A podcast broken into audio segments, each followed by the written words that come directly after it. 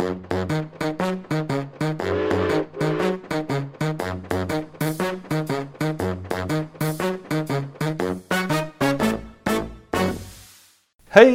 og velkommen alle gamle og nye lyttere til en ny episode av Ekspedert.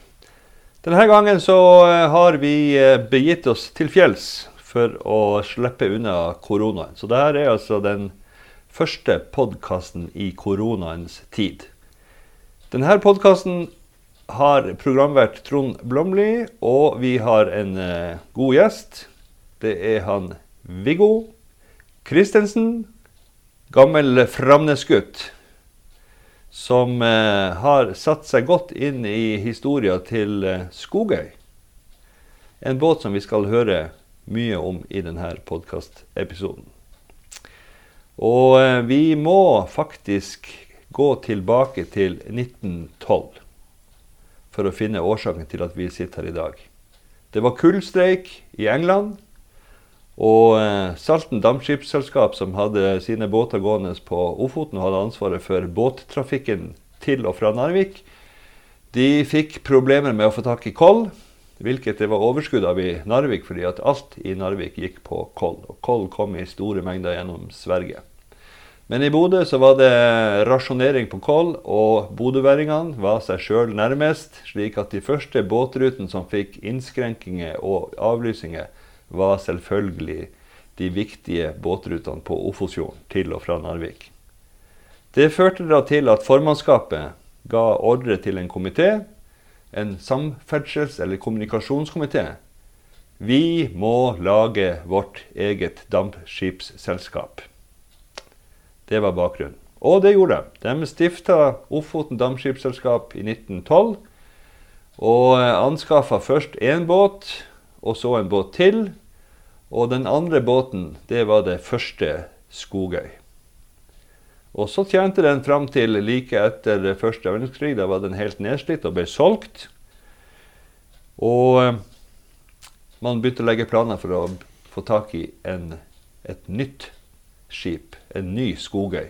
Som skulle være både flottere og finere enn det forrige. Og der, Viggo, kan vi slippe deg til. Takk for det. Ja, da ble det sendt søknad inn til Samferdselsdepartementet om å få bygd en ny skogøy. Og det ble sendt tegninger nedover som kom i retur. Det her var altfor Det var en for stor båt, og det var en for dyr båt. og Det var ikke snakk om at den her blir godkjent av Samferdselsdepartementet. Men det var, det var forståelige og innsatsvillige karer i Ofoten Dampskipsselskap. De ga seg ikke. Nei.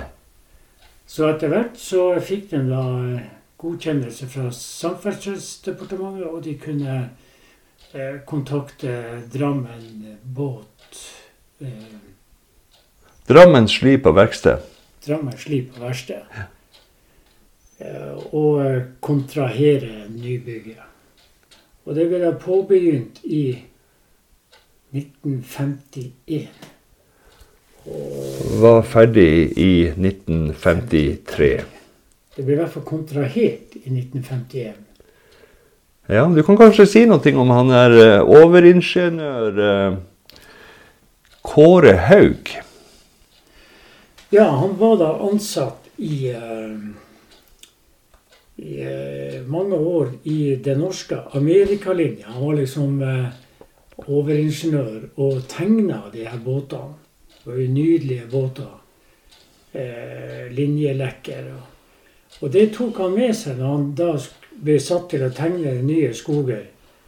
Han ga skoger veldig vakre linjer, og så tok han med seg skorstein som han hadde tegna til en av de flotteste båtene eh, som i den norske amerikalinja hadde. Vistafjord eller Oslofjord eller Stavangerfjord? Oslofjord. Oslofjord, ja. Oslofjord. Og ga Skogøy samme flotte skorstein som den staselige amerikabåten. Ja, og Skogøy er jo en båt med schwung over.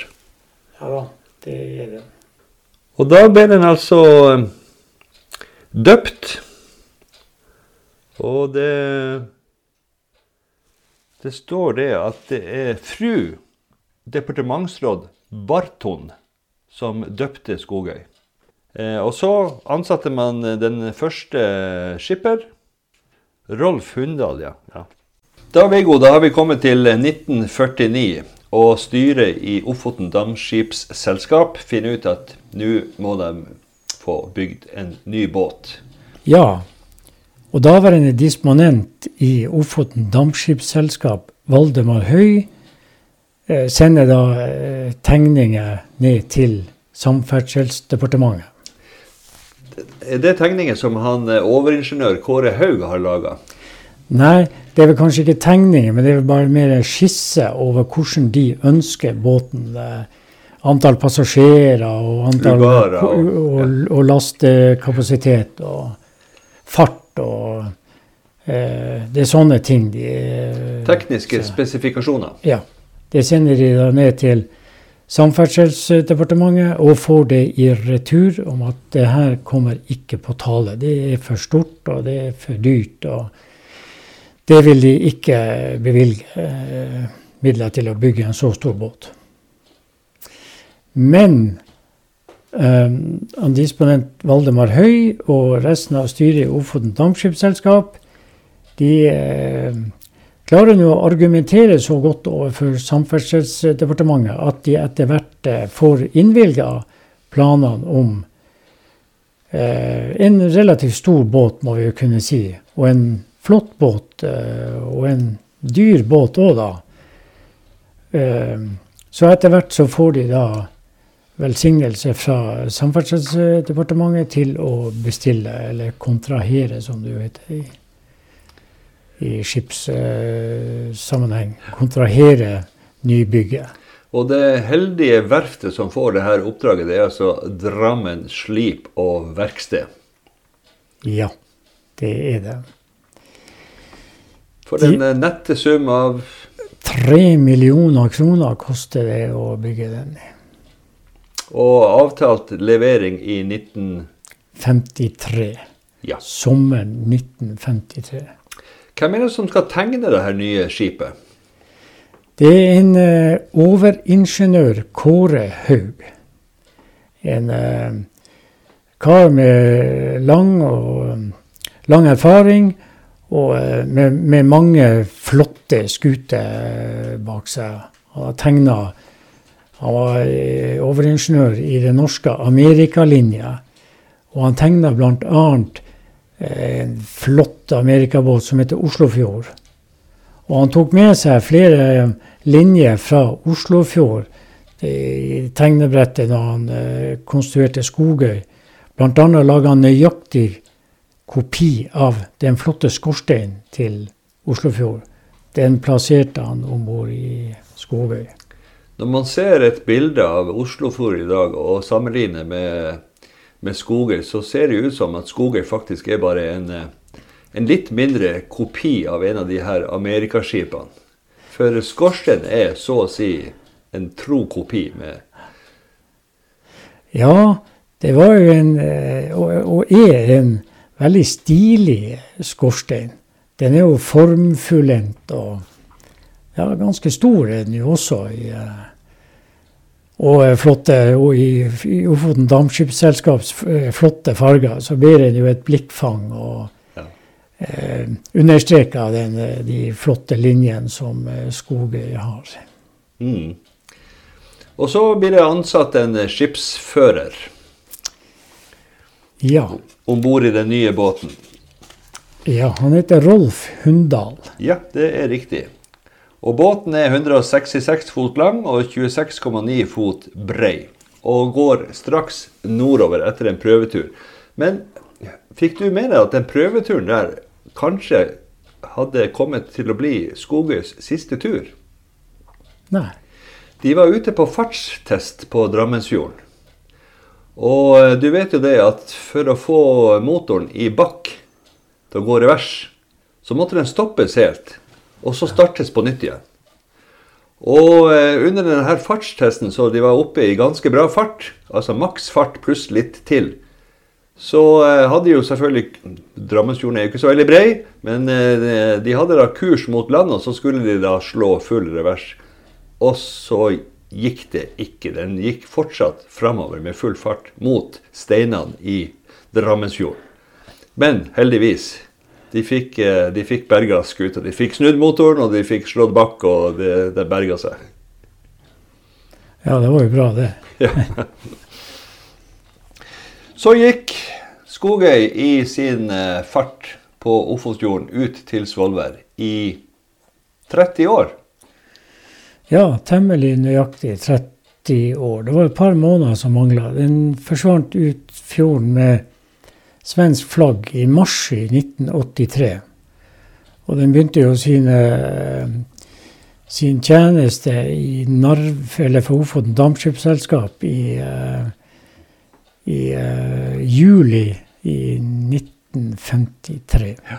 Så det er bare noen måneder som mangler Ja. på 30 år. Bare noen måneder. Så ble det solgt til svensker. Ja. Og først havna den nede i Göteborg. ja, det gjorde den. Der lå den i mange år. Den ble hvitmalt og skifta navn. eh, Eh, blant annet så handler den nå det, det lite ærerike navnet Paddan i slutt. Eh, en stund.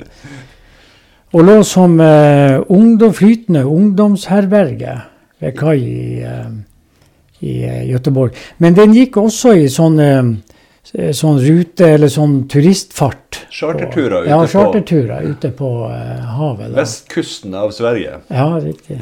riktig. Men så eh, for den videre og havna i klørne til en mann som heter Søderblom. Søderblom, Ja. Ja, på 90-tallet så eh, ble den eh, seila opp til eh, Stockholm. Og jeg hadde flere eiere både før og etter det. Men etter hvert så var det en kar som heter Søderblom, som kjøpte skoger og skulle ha den som eh, hybelskip for sine ansatte. Det var eh, et teglverk visstnok som ikke lå så langt fra Tappstrømskanalen. Eh, Like utenfor, innenfor Stockholm, som du egentlig sier. Oppe i Mälaren. Oppe i Mälaren. I Ekkerø kommune. Helt riktig. I Stockholms drikkevannskilde. Der lå i hvert fall skuta, pent fortøyd og hvitmalt var den, og hadde da navnet Seaside. Og lå som sagt pent og pyntelig fortøyd, og var som losjiskip for eh, eh, arbeidet. var polske arbeidere som eh, bodde om bord der. Som en slags losjiskip for arbeiderne til han Søderblom? Riktig. Söderblom han var jo en mann som var kjent for hvis du rakte han handa, så ble du fri. Ja, han hadde et litt eh, grumsete eh, rykte. Det hørte vi eh, når vi var han i Stockholm. Han, eh, ryktet sier også at han betalte ikke sine arbeidere. Nei. Og det kan vi tro når vi ser eh, hans eh, eller ha, firmaet hans eh, det. Det var jo en gigantisk konkurs etter hans bortgang. Han var skyldig mange, mange millioner. Så uh, vi tror nok at det kan være sant at han ikke betalte sine arbeidere. Og det førte til at de her polske gjestearbeiderne om bord i Skogøy, eller skråstrek Seaside, de fant jo ut at skulle de få noe betalt for jobben, så måtte de forsyne seg med ting om bord i Skogøy. Og da forsvant alt som fantes av kobber og messing. Ja, da eh, skulle de ha noe penger, de her polske arbeiderne. Så eh, var de avhengig av å ta det de, eh, det de fant om bord. Og dessverre så var det jo mye messing om bord, og mye navigasjonsutstyr og instrumenter. og Mye flott var det, som de eh, skrudde ned. Det som ikke de skrudde ned, det ble slått ned med slegge, sies det. Og da var forfallet i gang. Og eh, etter hvert så flytta nå de her eh, polske arbeiderne eh, De dro nå sin kos. Og da flytta byens løse fugler om bord. Og da lå den for rov og ran. Da lå den for rov og ran. Ja. Og så i 2009 så dukka det opp noen bilder på internett som fikk Narvik-folk til å reagere. Og ikke bare Narvik-folk, folk også i Lødingen og Svolvær og Kjellbotn og langs hele ruta til skog, Gamle Skogøy. Ja, det var et uh, bilde som viste at Skogøy hadde kantra i Tappstrømskanalen og lå halvt sunken. Det lå med 70 grader slagside og så jo helt forferdelig ut uh, for oss som var glad i den uh, tidligere lokalbåten. Ja, det var ikke noe stolt endelikt. Nei, det syns jo det syns jo vi var helt forferdelig, det der. Og folk de uh, heiv seg rundt og ja, er det ikke noe vi kan gjøre? og Kan ikke vi få den hjem? Og ja. laga Facebook-side. Så etter hvert så uh, begynte snøballen å rulle, og den rulla seg jo større og større som snøballer. Men før det, så for å være helt sikker på hva det, hva det var man skulle ta tak i, så dro det altså en delegasjon eh, nedover, bl.a. med han uh, Ulf Skavik, som jo er dykker og kan det meste om båter, både på bunn og på overflata. Ja. Tror også han Eilif Gabrielsen var med. Eh, de dro ned til Stockholm, og Ulf Skavik dykka for å sjekke om skroget var De visste jo ikke helt hvorfor den hadde gått rundt. Om det, var, om det var hold i den, eller hva i verden det var. Den, den, Ulf Skavik han dykka ned og han er jo en flink kar med metall. Det er det han er ekspert på. Og han sjekka eh, skroget og kom opp eh, fra dypet og sa at skroget det er helt eh, i orden. Det er like godt som nytt. Så da hadde man på en måte klart å sjekke ut det som man muligens skulle kaste seg i gang med? Ja, det var egentlig startsignalet, for nå går vi i gang og prøver å berge skoget hjem. Mm. Uh, uten fem kroner i uh, kassa? Det må det ikke. Jeg vet ikke hvordan vi egentlig fikk finansiert turen til Stockholm en gang. Men uh, det var ikke noe rik forening i sannhet. Og så kom de myndighetene, særlig miljøvernmyndighetene i Stockholm på banen og forlangte da av Hans Søderblom at det her vraket måtte fjernes fra drikkevannskilden til Stockholm. Det kan man jo godt forstå. Ja, det er klart. Det er jo ikke noe artig å ha et uh, skipsvrak liggende i drikkevannskilden. Så det ble, det ble fatta vedtak om at uh, den her skulle fjernes for eiers regning, som det heter. Den skulle heves og fjernes fra Tappstrømskanalen. Så da engasjerte man et firma som heter Pampas. Ja, riktig. Og de skulle prøve å få fjerna vraket. Og som betaling så skulle de levere båten til Spiker i Danmark. Og da gikk alle alarmklokkene rundt Ofosfjorden. Ja, det hørte vi. Det var fatta vedtak om at den skulle eh, sendes til opphugging i Fredrikshavn i eh, Danmark. Og eh, de, eh, på en eller annen måte så klarte vi å, å fange opp at de skulle, de skulle, fjerne masten på båten, og de skulle fjerne overbygget. Uh, for at det skulle være lettere å snu båten rundt, og lettere å slepe den til, til Fredrikshavn for opphugging. Og hadde, hadde, de klart å få Kanskje de, de fjerna masten, det gjorde de. Men vi klarte nå å få stoppa at de eh, fjerna overbygget. Hadde de gjort det, så hadde nok ikke det vært mulig å berge skogen for ettertida. Og det som eh, kanskje berga Skogøy akkurat da fra å bli helt ødelagt av det her firmaet, rivningsfirmaet, da, eh, det var et brev fra den gang stortingsrepresentant Torgeir Treldal fra Narvik. Ja, det er helt riktig, det. Vi kontakta han, og han eh, tok saken med en gang og forfatta et brev som ble sendt til Jeg tror det var til miljøvernministeren i eh, Sverige. Eh, hvor han beskrev verdien, verneverdien i eh, skogen. og det var et stort lokalt eh, engasjement. og det burde ikke gis tillatelse til at uh, de, de, skulle ødelegge båten, fjerne styrehus og fjerne masten. Eh, men da var nå masten allerede uh, fjerna. Og det var gjort alt klart til også å fjerne styrehuset. Det var i grevens tid at det brevet kom. Og han, eh, miljøvernministeren han tok da kontakt med Pampas, som det heter, det firmaet som holdt på å heve skogen. At dere får ikke lov til å eh, eh fjerne mer fra vraket. Dere får, får heve det sånn som det er nå. Så kommer nordmenn ned og skal inspisere vraket og se om det her er noe som kan tas hjem til Norge. Så da tok dere en ny Stockholmstur? Det her var, Jeg tror det var i begynnelsen av desember i 2011. Da dro eh, en hel delegasjon fra Norge. Ja, Hvem de var? Det var eh, intet mindre enn eh, representant fra Riksantikvaren. grattangsfæringen Sverre Nordmo. Flotte greier. Ja da, han var med. Og eh, så var det to eh, skipskyndige fra Bredalsholmen, fra Fartøyvernsenteret. Flott. Ja.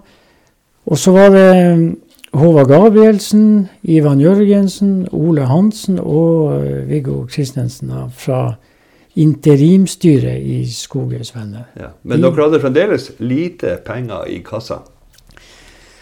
Ja, det var noen eh, titusener. Det var jo satt i gang en redningsaksjon og samla inn penger.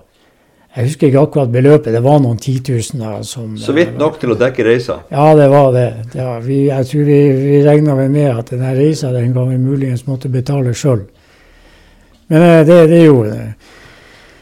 Og vi møtte jo uh, mannsterkt opp der nede. Da hadde de jo allerede heva eh, Skogøy, men ikke fjerna som eh, miljøvernministeren i eh, Sverige hadde gitt dem pålegg om. De hadde ikke fjerna overbygget. Uh, overbygget.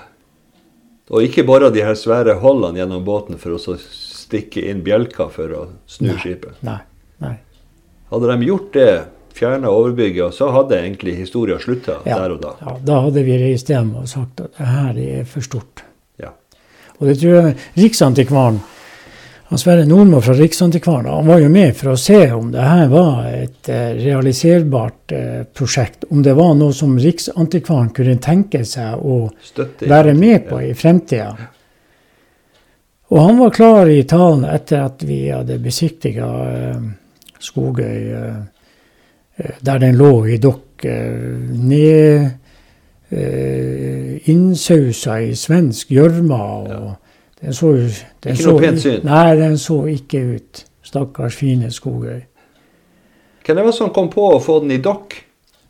Nei, Det var jo Pampas, for de skulle jo ha den i dokk, og så skulle den klargjøres for sleping til Fredrikshavn. Okay. Så den var der og ble, fikk kontrollmålt skroget. For det var en del av det å, å å få den slepegodkjent.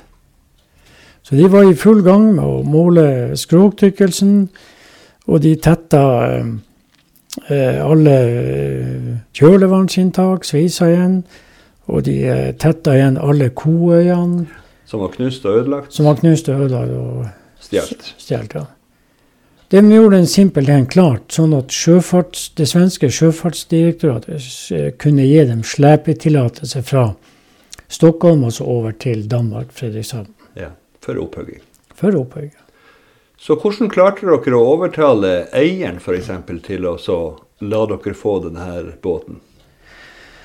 Ja, Eieren var jo han eh, så vi var i møte hele det gjenget.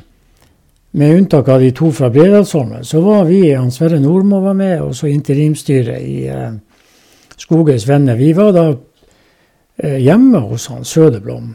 Og eh, satt i møte der og hørte om eh, vi kunne få kjøpe vraket.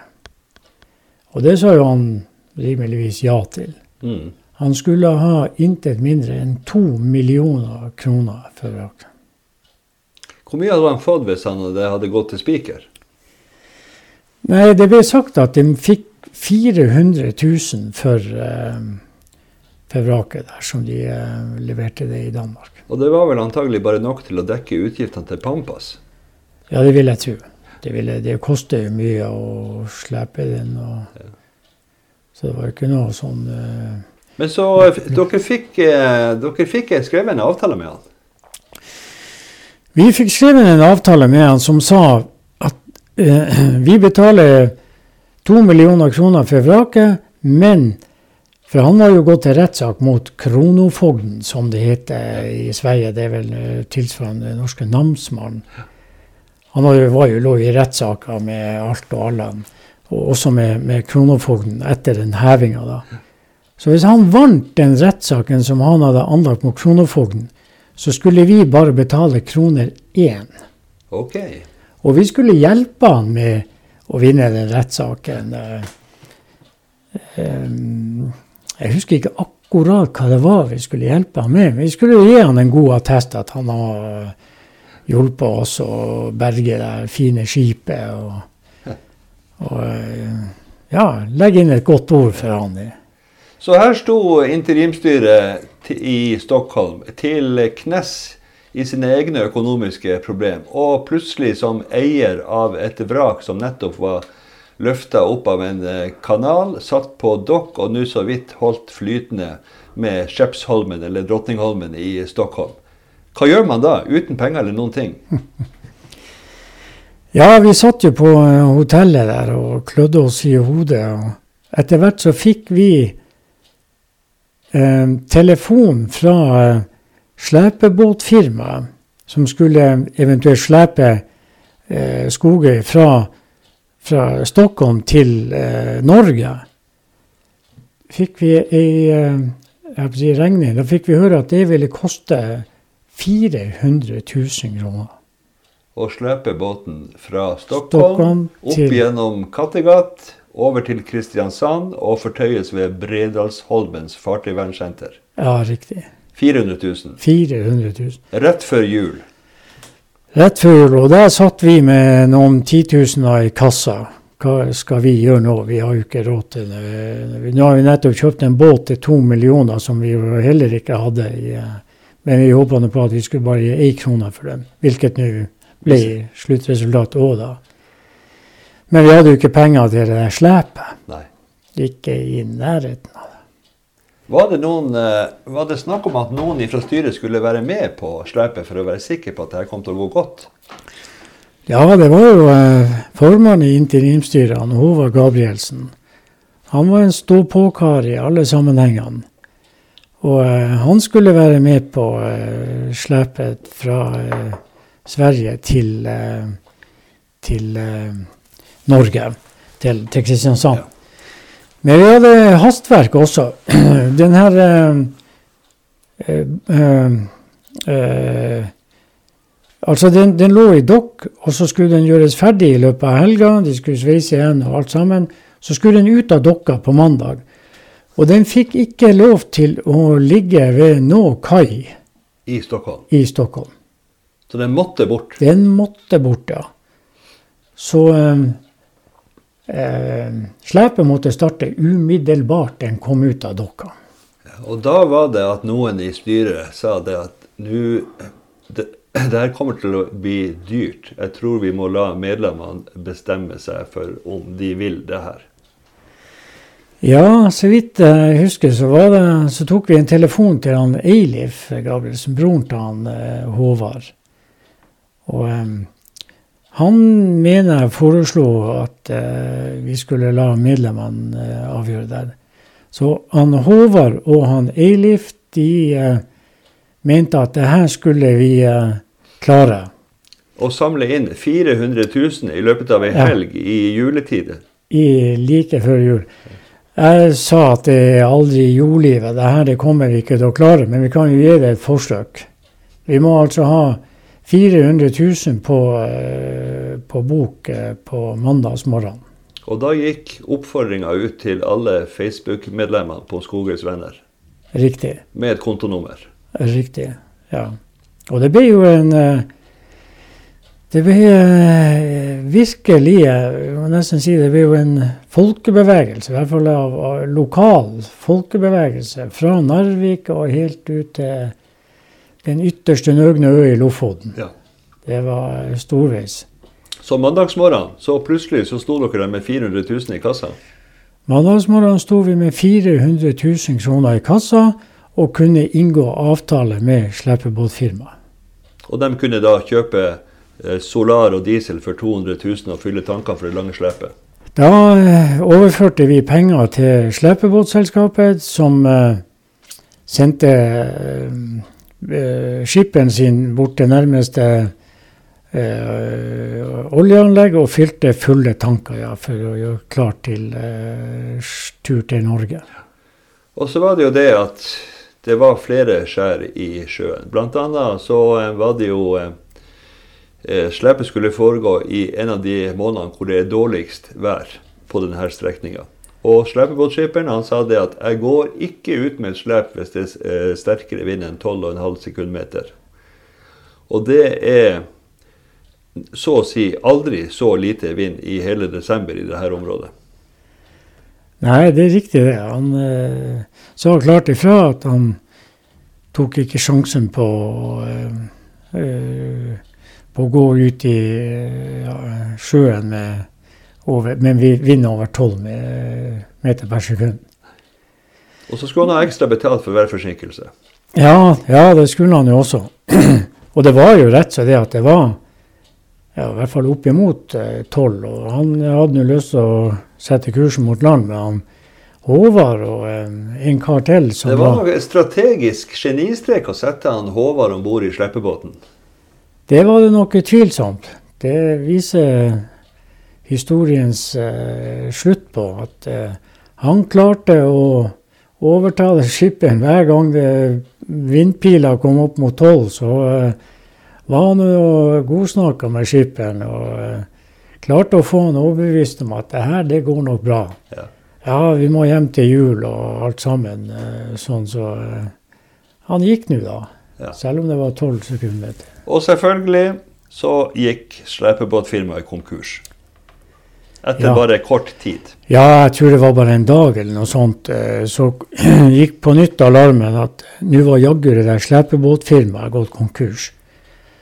Så eh, Men det var også i det slepebåtfirmaet var det mye sånne eh, juridiske krinkelkroker. Så selve båten kunne de ikke ta beslag i. Slepebåten. For den var i, i, i, I fart. Nei, farten han var egentlig eh, eid av et annet firma igjen. Datterselskap. Ja, et datterselskap.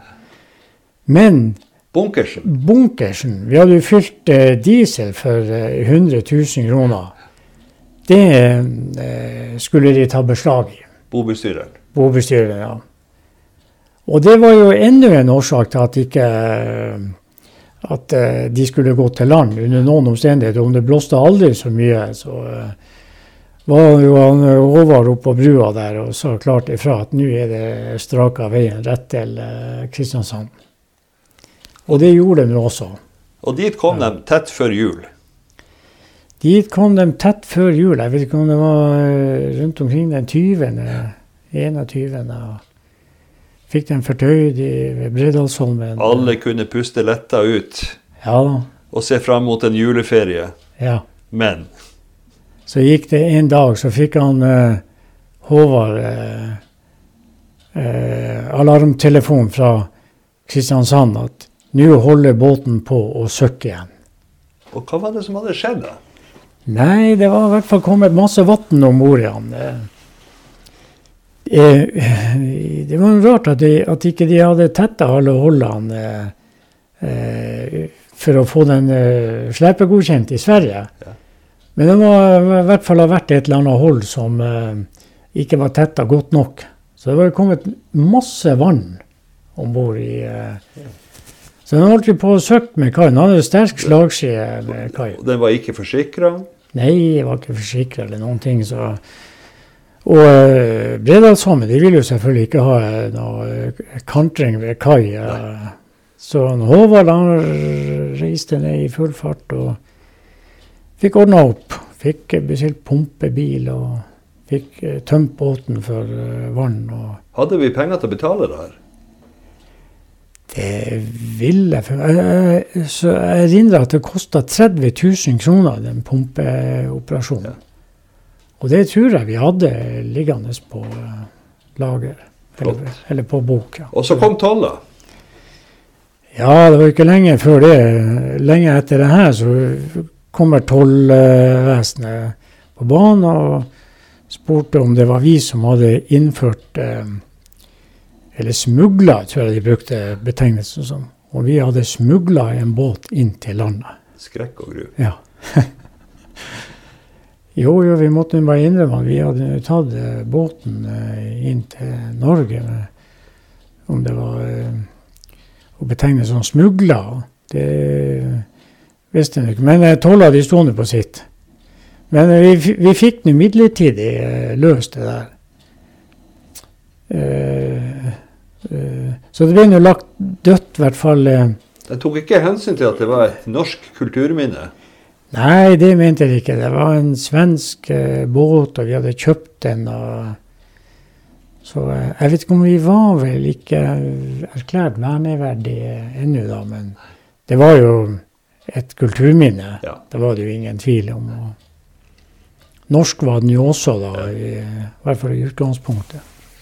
Og så hadde noen i styret gjort avtale med Kystvakta, som da hadde en båt på verft nede i Polen, og som skulle returnere utpå vinteren hjem til kystvaktbasen på Sortland. Og de hadde pussig nok lovt at de skulle gå innom Kristiansand og ta slepet om bord i Skogøy. Og dra den nordover. Gratis. Ja. Denne kystvaktbåten den hadde grunnstøt oppe i Nord-Norge, og så hadde den vært i Polen og på et verft og blitt reparert. Så eh, heldigvis var den, eh, var det nå eh, i det farvannet der i, i den tida vi eh, eh, var på utkikk etter haik nordover. Så den kom innom Kristiansand. Det var vår leder igjen, han Håvard Gabrielsen, som ordna både med slep og med alt sammen. Og gikk om bord i Kystvakta. Gikk om bord i Kystvakta og var med på slepet nordover. Han eh, fortalte senere at eh, det var jo mange dramatiske episoder under det her slepet. Annet det han tråkla seg gjennom eh, Sunnmøre og Nordmøre, og da røyk slepet. Og Skogøy hadde egen kurs rett imot et br- brufeste en plass.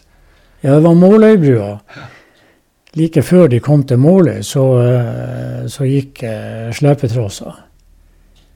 Og det blåste ganske kraftig. og De, de måtte nå bak og få om bord ny eh, Ja, slepetrås. ja, og før det så eh, han, eh, han Håvard hadde vel gått på eh, lugaren sin, og så fikk han telefonen fra skipperen. 'Kom opp på brua med en gang!' Og Håvard opp på brua, og så var det da ett spørsmål. Er båten forsikra? Hvis ikke, så må vi berge han. Ja, ja riktig. ja, det stemmer det. det historien har jeg òg hørt. Og så en eh, vinterdag i 2012, så kommer uh, Seaside. Hvitmalt og gjørmete sigende inn imot kai i Kjellbotn. Ja, den uh, som du sier kom eh, en vinterdag eh, til hjemtraktene sine med slepa til kai i Kjellbotn. Den så altså helt forferdelig ut. Full av gjørme. Full av gjørme Knuste koøyene. Ja, det var, det var så, så uten maste. og Hvor lå de her massen som Pampas hadde kappa ned? De lå da ved verftet eh, der som den ble eh, tatt i land, okay. heldigvis. Der lå også livbåtene. Eh, Den ene forsvann, livbåten forsvant, men vi fant den igjen senere. Det var en, eh, en eh, svensk eh, Facebook-venn som eh, hadde sett det lå en båt i landa fjæra der. Så både masten og livbåtene de kom seg også nordover etter Ja, de gjorde det. Stor uh, takk til han uh, Terje Dypvik i uh, Narvik Spedisjon. Som stilte opp med biler og Han stilte opp og ordna opp, frakta masta nordover. Og noen år seinere så ordna han med frakt av livbåten Ja. eh, nordover. Og så i denne perioden eh, da Skogøy lå ute i Kjellbotn, så myldra det jo om bord av folk som ville gjøre en innsats. Ja, det var en, en virkelig eh, dugnadsånd av eh, sjelden format i Kjellbotn. Det her det fikk også Riksantikvaren nyss om. At hele bygda stilte opp. Det var jo nesten eh, kamp om plassen om bord. Eh, de fikk heve i land masse svensk eh, mudder og eh, søppel som lå om bord. Og, og berga en del papirer. Det ble Og så, båten ble malt? Båten ble malt i full fart. Den flotte pipa fikk sine farger igjen. Ja. Og eh, skroget ble malt svart. og Jeg vet ikke om mastene de kom på plass i Tjeldbotn. Det var kanskje i Narvik? De kom på plass i Narvik fordi at jeg husker jeg sto borte på den gamle brusfabrikken og malte de her. Ja, det gjorde jeg òg, faktisk. Ja. Men i hvert fall, den kom eh, eh, tilbake til sine Eller den fikk tilbake sitt, eh, sine gamle, flotte farger. Svart skrog, hvitt overbygg og gul og rød pipe. og så så flott ut. Og så er vi tilbake i 1912 igjen. fordi at nå er vi kommet til 2012, og den nøyaktig samme dagen, stiftelsesdagen for Ofoten Dampskipsselskap. 12. 12. juli. Da kommer Skogøy sigende inn på Narvik havn. Den ble slept av eh, den flotte slepebåten. Fra kjellbåten. og om bord var jo masse folk. Eh, Kjell, masse kjellbåtenværinger selvfølgelig. Og, og jeg sto på kaia der med saluttkanon. Det husker jeg. Ja, Så når, dere, eh, når Skoger kom sigende flott inn mot kai, så hadde vi laga banner 'Velkommen hjem'. Og med passende avstand så eh, smalt vi en eh, velkomstsalutt. Og det var svarte folk? Ja, det var sikkert eh, ja, det var sikkert over 1000 mennesker, tipper jeg, på kaia. Og de andre slepebåtene var ute og, og uh, laga sånn her Fontene. Fontene ja. Ja, ja, ja, det var stor stas. Og det var musikkorps på kaia. Og det var selvfølgelig fremover, og det var jubel. Og det var altså så trivelig å se den komme tilbake igjen. og Eh, den lå ikke Den lå i hvert fall med, med samme kai. Den lå ikke på sin gamle plass der på Motsatt side? Ja, den lå på motsatt side. Men eh, likevel. Og, pytt, pytt. Ja da, det var godt å, godt å, se den. Og dermed så var den mest dramatiske perioden i Skogøys liv eh, passert, egentlig. Og man gikk inn i smulere farvann. Ja, det, det kan vi si. Nå eh, nå ble det jo mer eh, skal vi si sånn papirdramatikk. Dramatikken var på langt nær over. For den tidligere omtalte Tolla De ga seg ikke? De ga seg ikke. De hadde spora opp at vi hadde lovt han Søderblom to millioner kroner for vraket. De hadde fått tak i denne kontrakten via kronofolkene sikkert i Sverige. Så vi fikk da et momskrav på 600 000-700 kroner. Og det var Vi var jo ikke i nærheten av eh, noe sånn sum. Og ikke, ikke uh, ville vi jo bruke noe Hvis vi fikk inn penger til å restaurere Skogøy, så skulle det gå til det norske tollet, til egentlig den norske stat. Tok dere kontakt med finansministeren? Ja, det gjorde vi. Han uh, den før tidligere omtalte eh, Trældal, stortingsrepresentanten vår, han var jo Fremskrittspartirepresentant. Ja. Og finansministeren var fra SV? Finansministeren var fra SV. Men da gikk hun eh, det, eh, nei, hun, eh, Siv Jensen, som var ja. parlamentarisk leder for, storting, for Fremskrittspartiet, hun reiste da spørsmål i Stortingets spørretime om Skogøy. Oi. Og det ble jobba Eh, finansministeren fikk det på bordet, denne saken her, ja. tollsaken. Ja. Men tolla hadde jo egentlig bare gjort det som var rett, ja. ifølge til papiret. Ja da. Og vi vet jo det var jo tunge krefter i sving eh, for, å, for, å, berge oss unna det her momskravet. Men eh, det, det, tok eh, jeg tror det var oppimot to år før det, før det løste seg. Men eh, det gikk nå i orden. da. Til, og Hvordan gikk det med denne rettssaken til han Søderblom?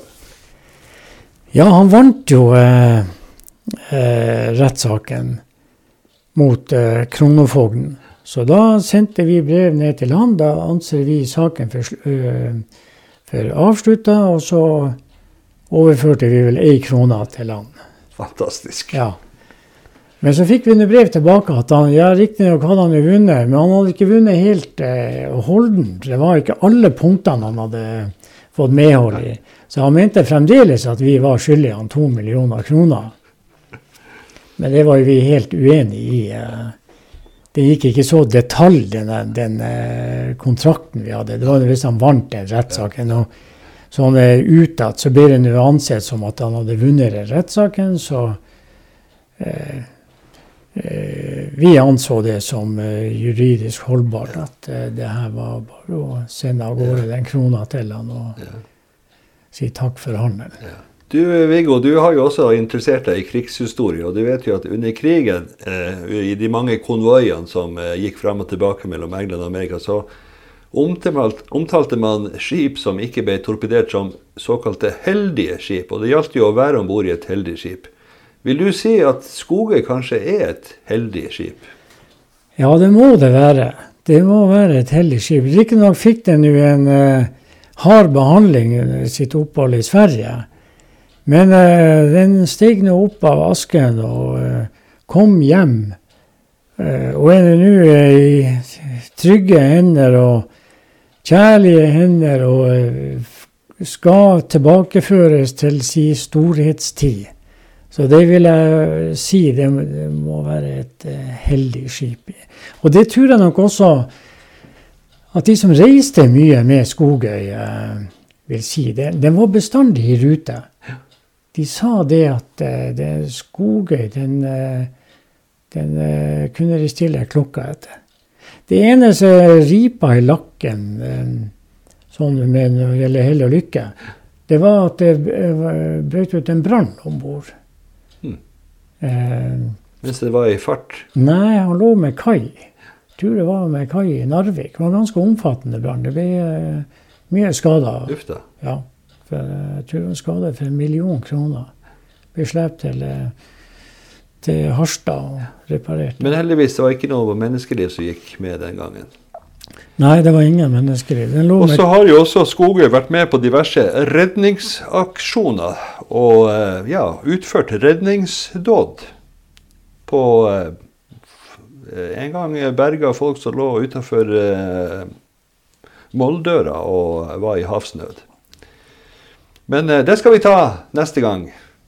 Eh, så da er vi egentlig ferdig for i dag, Viggo. Og jeg sier takk. Sjøl takk.